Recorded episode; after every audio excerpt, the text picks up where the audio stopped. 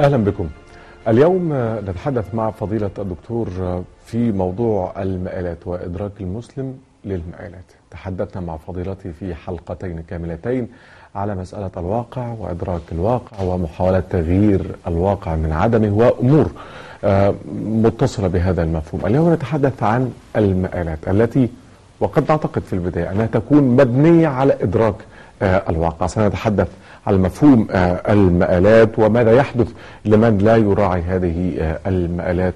وكيف علينا كمسلمين وكشعوب ومراكز أبحاث عربية وإسلامية أن تراعي هذه آه، الأمور وهذا المفهوم. أرحب بفضيلة الإمام العالم الجليل الأستاذ الدكتور علي جمعة أهلا بكم مولانا. أهلا وسهلا أهلا وسهلا بفضلتك. مولانا هل يمكن أن نبدأ التفكير في المآلات بعد مرحلة إدراك الواقع وبالتالي فإن لم يكن هناك إدراكا صحيحا للواقع فلن يكون هناك استشرافا صحيحا للمآلات. بسم الله الرحمن الرحيم الحمد لله والصلاة والسلام على سيدنا رسول الله وآله وصحبه ومن والاه. هناك جانب نظري وهناك جانب عملي في محاولة إدراك المآلات. يقول الإمام الغزالي في كتاب له لم يطبع بعد ولكن نقل عنه ابن برهان وغيره اسمه حقيقة القولين للإمام الغزالي. يقول أن قدرة المجتهد على تصور ما سوف يحدث من حكمه واجتهاده تختلف من مجتهد إلى مجتهد آخر وطبقا لقوة التصوير وتوليد الصور والمسائل يكون قدر المجتهد. فكلما كان المجتهد قادرا على أن يتصور ما الذي سيترتب عليه هذا الكلام وكلما اختبر كل صورة من الصور حتى تحقق الجميع وفي كل الأحوال المصلحة وكلما تنبه إلى ما كان خفيا على بعضهم ولم يخطر على باله كلما كان أعلى في رتبة الاجتهاد ممن لم يخطر على باله هذا التصور. الكلام اللي بيقوله الغزالي ده بيقولوه دلوقتي علماء الإدارة تحت عنوان في اللغة الإنجليزية creative imagination التصور الخلاق التصور المبدع يعني عنده قوة لربط المعلومات وقوة للتخيل وقوة للتصور لمعرفة المآلات. ما الذي سيحدث في هذا المجال؟ هذا كلام الإمام الغزالي وهذا كلام علماء الإدارة عندما تأملوا في الإنسان وكيف يقوم عمله ومن هو الذي ينجح فوجدوا أن هذا الذي هو صاحب التصور المبدع أو الخيال الخلاق هو الذي ينجح أكثر ممن ليس عنده هذا التصور المبدع والخيال الخلاق. نرى هذا أيضا عند ابن عاشور في مقاصد الشريعة. يتكلم عن ما يمكن أن نترجمه نحن بعباراتنا أن على المجتهد أو المفتي إذا ما أراد أن يقوم بإفتاء معين أن يختبر هذا المجتهد فيه أو المفتى فيه قبل إبرازه قبل ما يطلع بيه على الجمهور قم هو يبحثه بينه وبين نفسه ويشوف ما الذي سيترتب على هذا. فلو أنه ترتب عليه شيء القواعد سليمة الحسابات سليمة إلا أن النتيجة ستؤدي إلى مصيبة. على طول يراجع حساباته ويقول في غلطة أنا مش واخد بالي منها لأن المفروض إن ما توصلت إليه من أحكام شرعية مرعية أو من فتاوي حقيقية تجيب المصالح مش تجيب المفاسد. طب الحكاية دي, دي قد تأتي بالمفاسد أو لابد أن تأتي بالمفاسد. يبقى في غلطة في حاجة إحنا ناسيينها في حاجة إحنا مش مدركينها ما دخلناهاش في حسابنا فهي سبب التناقض ده. ده خلص كلامهم بالشكل ده وهم بينبهوا إن إحنا ما نتعجلش في هذه الدعوة إلا بعد التمحيص الدراسة حتى نتأكد من مآلات الأحكام ومآلات الفتاوي ومآلات كذا وكذا ولا يكفي اطلاقا أن أكون قد سرت على القواعد اللغوية والأصولية مع النصوص حتى أصل إلى شيء واذ بالشيء ده يصطدم مع ذات نفس النصوص ويصطدم مع الواقع. ابدا. لا يرضى بهذا الفكر الإسلامي والفقه الإسلامي عبر القرون. أعطي لك مثلا مثل منهم عندما لا يدرك الفقيه الواقع. أدي واحدة. مثله لما ظهر كان في واحد يمني اسمه أبو الحسن الشاذلي. ده غير الشاذلي بتاعنا إحنا اللي مدفون في حميثراء كان تملي أي واحد اسمه علي يبقى اسمه أبو الحسن. أي واحد. كنيته كده أبو الحسن يبقى علي. فلازم الراجل ده كان اسمه علي. وشاذلي الشاذلي. كان في أواسط القرن الثامن الهجري. أبو الحسن الشاذلي مات 656 وهو ذاهب إلى الحج. أبو الحسن الشاذلي اللي هو إمام الطريقة. لكن ده 700 وشوية. ففي القرن الثامن أبو الحسن الشاذلي ده كان من العباد وبعدين شوية حبة بن وقعوا في مية مغلية كان عاملها عشان يتوضى بيها شرب المية سهر الليل. فراح قال الله إيه ده؟ ده ده ده دي عملت صهللة. فتنبه إلى نبات البن وأصبحت القهوة العربية بتتعمل بالطريقة دي إنك تنقع البن في مية مغلية قوم إيه تطلع قهوة.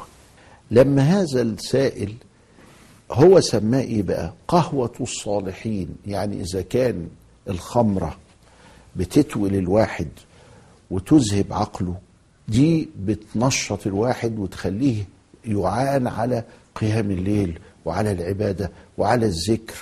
حاجة حلوة أوي. فدي قهوة قهوة يعني خمر. الصالحين. آه. بس قهوة في اللغة يعني خمر.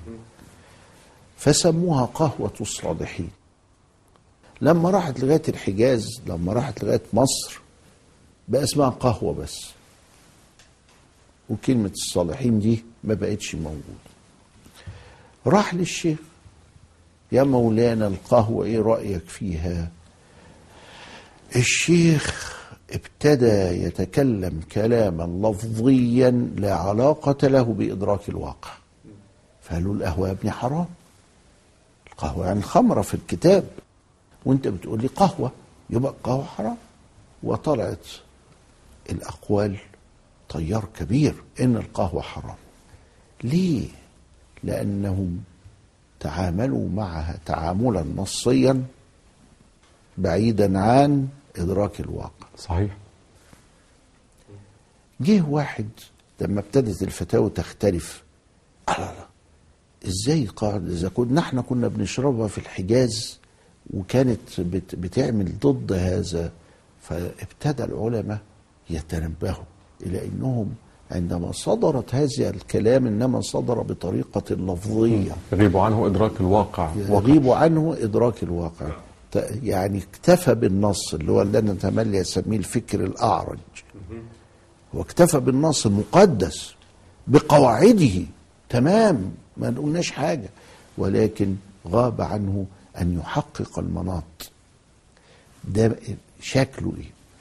فواحد من علماء الأزهر حبس عشر من الطلاب. وخلي بالك الورع اللي, اللي متملكهم عشرة من الطلاب. وداهم البيت بعد صلاة الفجر. وعمل لهم القهوة دي وسقاهم. وقعد يبح- يبحث معهم في العلم. كل ما يشربوا كل ما يصهللوا وكل ما التركيز يزداد. بعد النهار وكل حاجة قال الله ده بتعمل عكس اللي بتعمله الخمر المحرمة. فبدأت الناس تبيح. عارف إحنا خدنا كام سنة في الحكاية دي؟ 200 سنة. 200 سنة. كل ده بسبب عدم إدراك الواقع واقع, الشيء عدم الحكم عليه بشكل صحيح. ما نتوبش بقى؟ لا ادي لك مثال تاني. لما ظهر الفوتوغرافي. تصوير. والفوتوغرافي راحوا مسمينها الصورة. وقعتنا بيض الصورة في النصوص يعنى بها التمثال المعبود. يبقى الصورة حرام. يبقى ده حرام. والمصورون أشد الناس عذابا يوم القيامة لأنهم يساعدون على الشرك وعلى الوثنية التي نريد أن نخلع الناس منها. يبقى الراجل بتاع الاستوديو عم حسين اللطيف اللي هو بيصلي كل فرض في فرضه في المسجد أشد الناس عذابا يوم القيامة. طب ليه؟ لأني أدركت اللفظ النص ولم أدرك حقيقة الواقع. تمام تمام يا مولانا فيأتي سيدنا الشيخ محمد بخيت المطيعي مفتي الديار وحامي الزمار رضي الله تعالى عنه. يقول يا جماعة ده الواقع ما ملهاش دعوة باللي موجود في النص. قالوا إزاي؟ فراح مؤلف كتاب اسمه الجواب الشافي في إباحة التصوير الفوتوغرافي. وقال فيه ده احتباس ظل انت بتقف قدام ال- الكاميرا في ضوء بيجي عليك بينعكس على حاجة اسمها الورق الحساس. الورق الحساس ده بيلقط صورتك وانت بتمشي. زي المراية ما هتحبس صورتك وانت تمشي. افرض انك وقفت قدام المراية حرام قالوا له لا مش حرام. قال طب مشيت حرام؟ قال لا مش حرام. قال طب المراية حبست صورتك حرام؟ قالوا لا مش حرام. قال له امال إيه الحرام بقى؟ ما هو دي ما هي هي كده. وسماها احتباس ظل. وقال لو كنتوا عايزين وشوف الدقة بتاعته الجواب الشافي في إباحة التصوير الفوتوغرافي مش التصوير اللي موجود في اللغة اللي محرم لعلة واضحة جلية معقولة مطلوبة أن نخرج من ضيق الدنيا ووثنيه الخلق وكذا إلى آخره إلى توحيد الباري سبحانه وتعالى. فأنا عايز أقول لسيادتك إنه ده نوع من أنواع غياب الواقع اللي بيؤثر سلبا في التعامل مع الأشياء. ده عبارة عن إيه؟ عبارة عن ضاع الواقع منه في أمثلة تانية. آه، يا ريت يا مولانا مثال آخر خاصة إن إحنا الجزئية دي ما زلنا نعاني منها حتى الآن. مشكلتنا إن إحنا بعض الناس لا تدرك هذا الواقع ولكن أرجو أن يكون بعد الفاصل. وهو كذلك آه، مولانا ادراك الواقع ومن ثم المآلات وأرجو أن آه، تكمل لنا هذه الأمثلة آه، لكي نعالج هذه المشكلة التي ما زالت موجودة حتى الآن منذ عدة قرون والاختلاف حول مفهوم القهوة هل هي خمر أم لا. حتى الآن نحن والتصوير الفوتوغرافي حتى الآن هناك مسلمون في هذا العام في هذا اليوم ما زالوا يفكرون بنفس هذه العقلية القديمة. أدي لك مثال ثالث علشان نقفل حكاية عدم إدراك الواقع وده شغال الآن. حكاية البنوك. آه. حكاية النقود الورقية. إلى الآن مصممين إنه كأنها ذهب. بقى الأئمة الكبار يجعلون العلة تعبدية ويجعلونها قاصرة وكذا إلى آخره. وهناك مش قادر يتصور هذا. لسه إحنا في ال 200 سنة بتاعه القهوة بتاعة التصوير وبتاع كده ما زلنا في البنوك إلى الآن وفي التعاملات المالية الحديثة. يضرب العلماء مثلا في هذا المجال ويتعلق بحكاية النقود الورقية دي.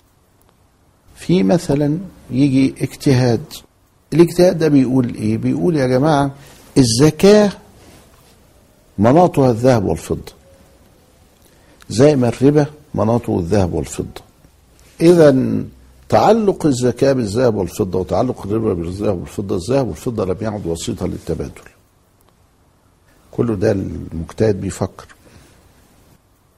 ونصه على إن الربا علته تعبدية ولذلك ليس هناك ربا في الأوراق النقدية اللي معانا دي. سببه إيه؟ عند الإمام الشافعي وعند أبو حنيفة وعند أحمد بن حنبل بالنص. أن الذهب والفضة فيهم خصائص لا توجد في وسيط تبادل آخر وهذه الخصائص جعلها الله سبحانه وتعالى سببا للتحريم. اللي إحنا بنقول عليها النهاردة أنها منع للتضخم من داخل النظام. معلش. طب والزكاة ما هي للذهب والفضة أيضا؟ يبقى بلاش زكاة يبقى الواحد يبقى معاه مليارات بس ما معهوش ذهب وفضة. يبقى ما فيش زكاة. لو وصل المجتهد بهذا الترتيب تعلق الزكاة بالذهب والفضة. الذهب والفضة مش موجودة فما يبقاش فيه زكاة. تخيل المقال بتاع هذا إنه يبقى الواحد ما يطلعش زكاة. هينهار ركن من أركان الإسلام. وين- وينهار ركن من أركان الإسلام. قوم يرجع يعرف إن هو غلط وإن في غلطة هنا. إيه هي الغلطة؟ الغلطة أن تعلق الزكاة بالمالية وليس بالنقديه الزكاة دي هدفها إيه؟ إغناء الفقير. اغنوهم عن السؤال في هذا اليوم. يعني الزكاة الهدف بتاعها مش زي الربا. الظلم وكذا. ده الهدف بتاعها هو إغناء الفقير. السؤال. الورق ده النقدي اللي في جيبنا بيغني الفقير ولا لأ؟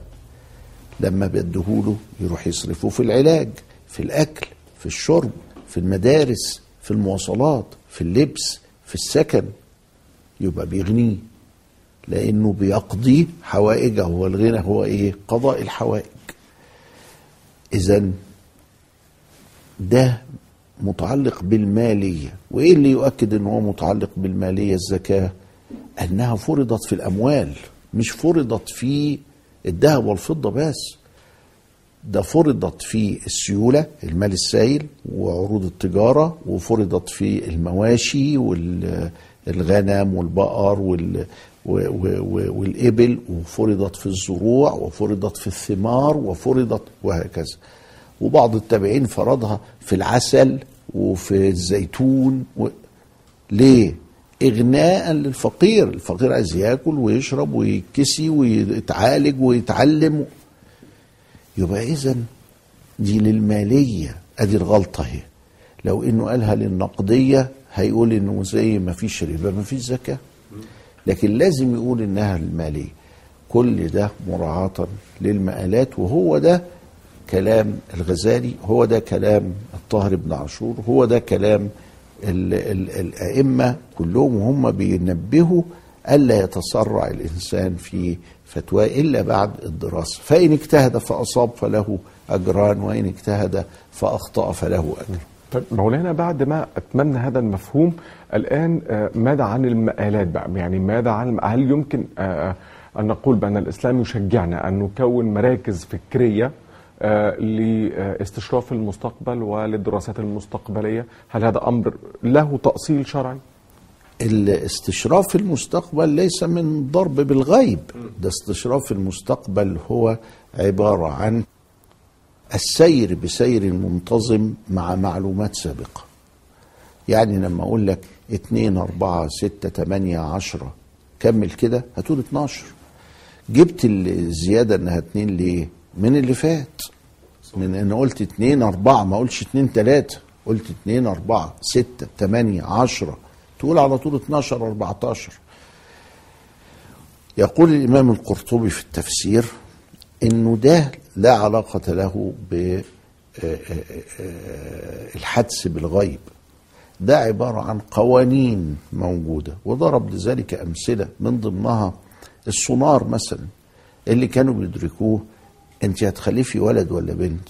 من اسوداد حلم حلمة الثدي.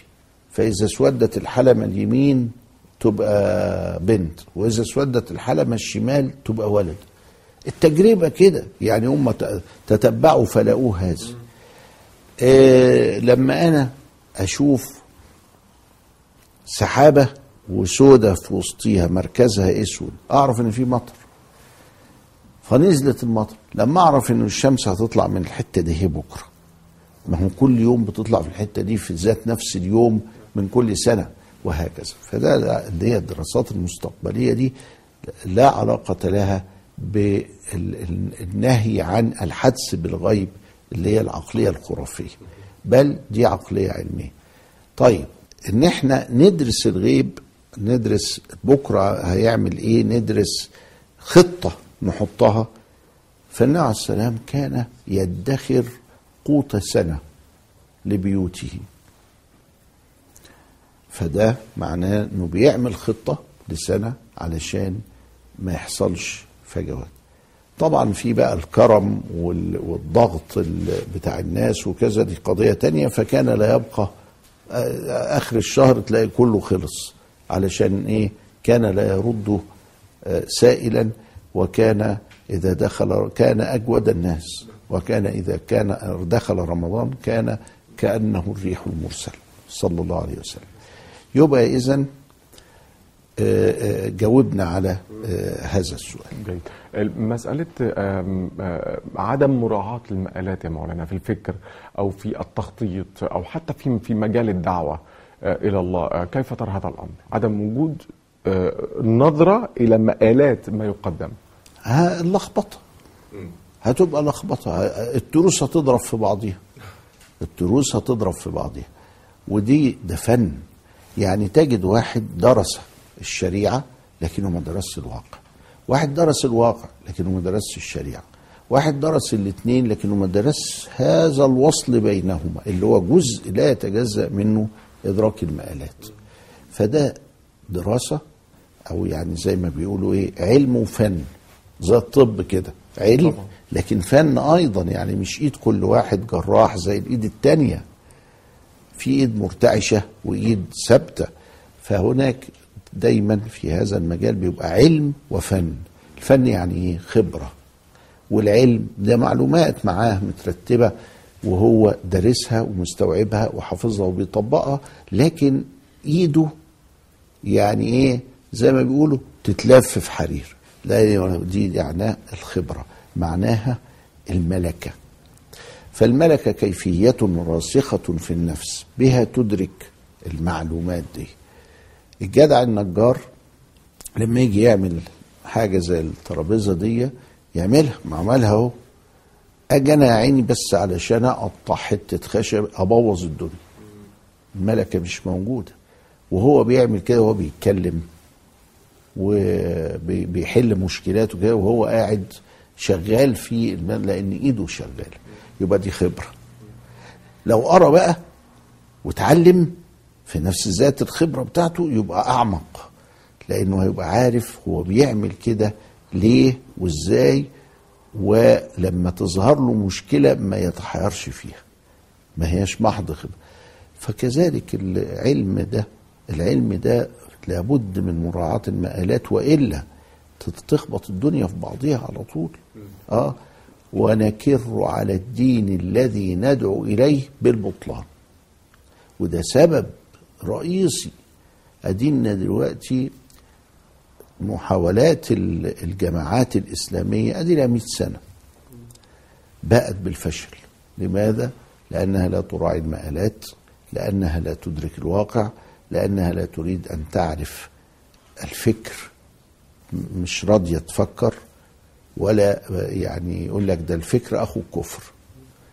أما دي كف وفه وراه ودي كف وفه يبقى كفر زي فكر. وهذا سيودي بهم إلى الطريق المسلوك نعم. آه، أخيرا مولانا يعني هل طريقهم هذا هل سيأتي بالضرر فقط عليهم أم على الأمة ككل؟ على العالم. على العالم. آه. على العالم وده إحنا شايفين العالم كله متأذي والعالم كله من نتاج هذا الفكر بيصاب. إيه ال- ذنب أو إيه اللي جناه؟ واحد ماشي في حاله في لندن ولا في باريس ولا في نيويورك وبعدين يموت يموتوه. لا العالم كله مش لا الأمة فقط ولا البلاد والعباد فقط ولا كذا لا ده الإسلام يضار. كدين بتشوه صورته والبشرية بتضار كبشر بيتحملوا آه، جرائم لا جريرة لهم فيها. أشكرك يا جزيل الشكر فضل الدكتور أهلا وسهلا. شكرا جزيلا لحضرتك. شكر موصول لكم مشاهدينا. إلى اللقاء.